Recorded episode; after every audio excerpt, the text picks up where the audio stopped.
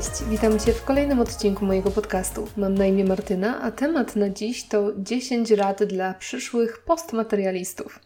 W tym tygodniu próbuję Cię zainspirować do prawdziwych, solidnych, wiosennych porządków.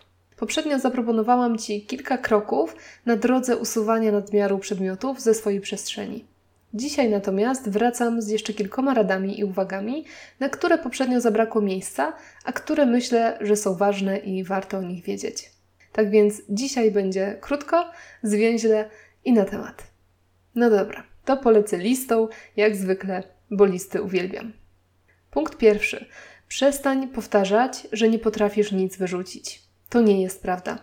Najpewniej to po prostu Twoje przekonanie, które oparłeś, oparłaś na jakiejś przeszłej sytuacji, kiedy to próbowałeś czy próbowałaś się czegoś pozbyć i coś uporządkować, ale brakło Ci motywacji. Jest w psychologii takie pojęcie jak wyuczona bezradność, która opisuje sytuację, kiedy ktoś nawet nie próbuje czegoś zrobić, bo i tak nie wierzy, że będzie w stanie, lub czeka, aż ktoś to zrobi za niego.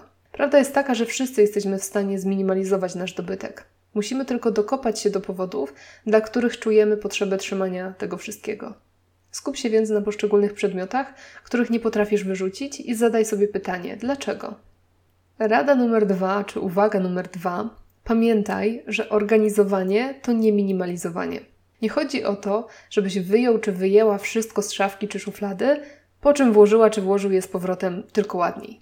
Albo żebyś kupił czy kupiła jeszcze kilka pojemników i pochowała czy pochował rzeczy do nich. Zupełnie nie chodzi o to, żeby Twój dobytek był lepiej zorganizowany czy ładniej ułożony. Chodzi o to, żeby wszystkiego było mniej. Tyle, ile faktycznie potrzebujesz.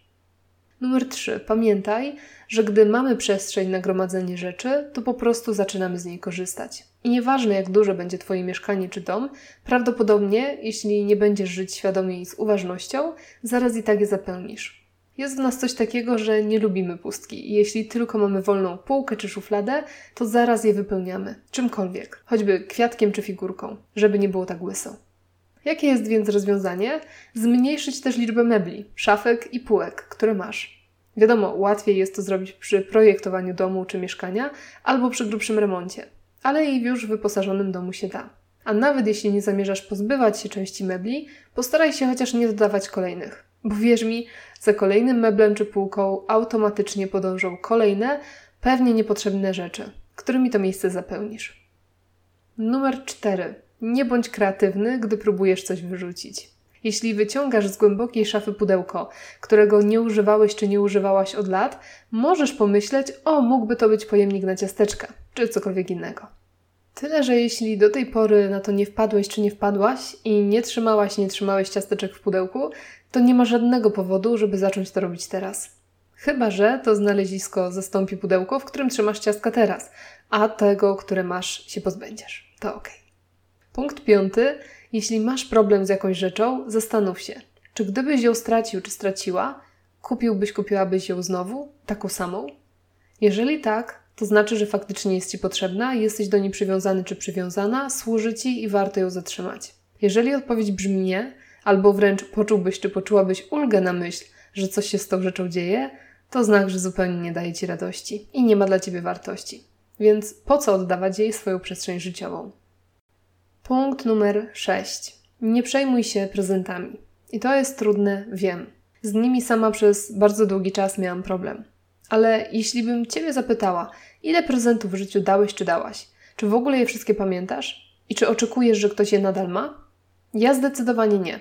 I próbuję to wpoić mojej rodzinie, że jeśli kiedykolwiek im coś kupiłam, co już im nie służy albo im się nie podoba, to mogą śmiało przekazać to dalej. I mam nadzieję, że podobnie myślą w drugą stronę i nie mają pretensji, kiedy ja czegoś od nich się pozbywam. Tu warto dodać, że z czasem będzie łatwiej. Plus, można też nauczyć rodzinę, żeby nie dawała nic bez konsultacji, albo żeby dawała rzeczy uniwersalne, jak na przykład karta podarunkowa. Moja rodzina już się tego super nauczyła i teraz bardzo rzadko zdarza się, że dostanę coś, co nie jest mi potrzebne albo czego nie mam ochoty zatrzymać. Numer 7. Pamiętaj, że rzeczy wywołują reakcję łańcuchową w obie strony. Kupujemy laptopa, a do niego etui, słuchawki, szkło ochronne, ładowarkę itd. Tak Ale też, pozbywając się nieużywanej gitary, możemy pozbyć się książek z chwytami, wzmacniacza, paska czy czego tam jeszcze się używa z gitarą. Z pierwszego warto zdawać sobie sprawę i dobrze zastanowić się, czy dana rzecz i wszystko, co za nią pójdzie, faktycznie jest niezbędne.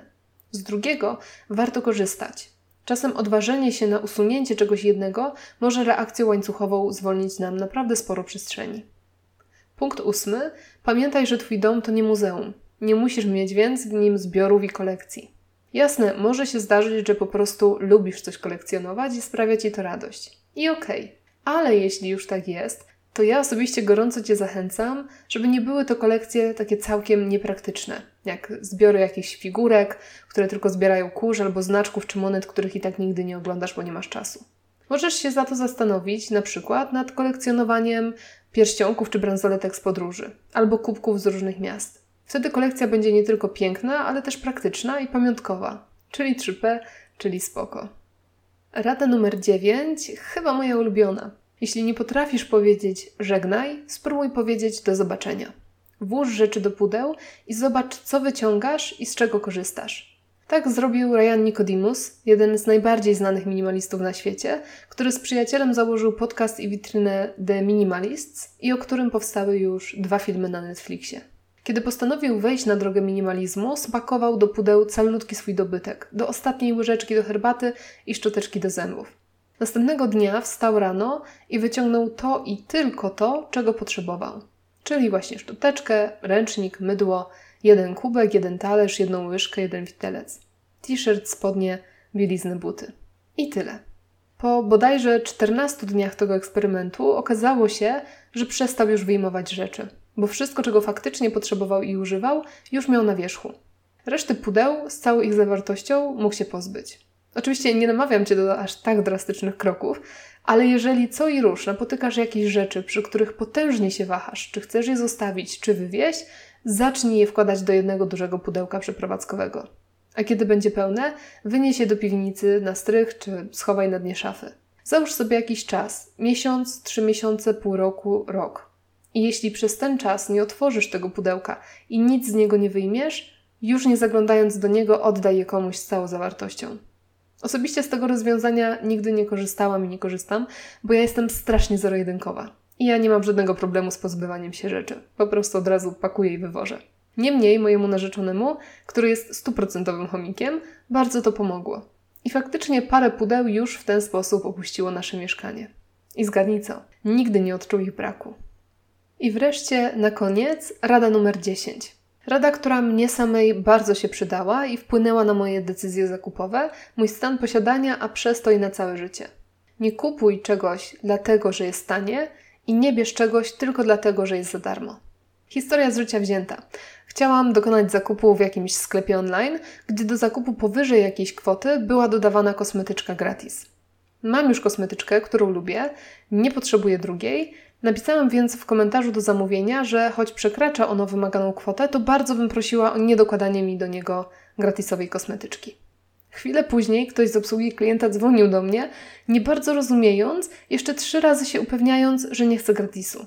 Pani mi tłumaczyła, że, że to przecież za darmo. I serio chwilę mi zajęło wyjaśnienie, że wiem, ale nie dziękuję. I nie mówię o tym, żeby się chwalić, jaka ja to alternatywna jestem, ale po to, żeby przypomnieć, że tak też można.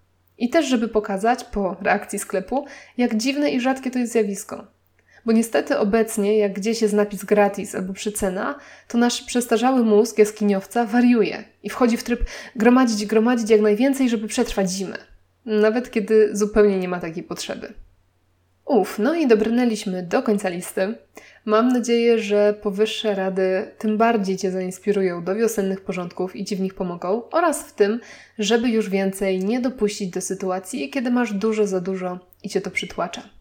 A jako, że w psychologii mówi się, że nie można komuś czegoś zabrać, przekonania, mechanizmu obronnego itd., tak i nie dać mu czegoś w zamian, bo wróci do tego, co mu zabrano, albo znajdzie inny, najczęściej mało konstruktywny sposób, żeby zapełnić powstałą lukę, to już w następnym odcinku wrócę do Ciebie z pomysłem, nie moim, ale przeze mnie sprawdzonym, czym można zastąpić konsumpcjonizm, niekoniecznie idąc w hardkorowy minimalizm.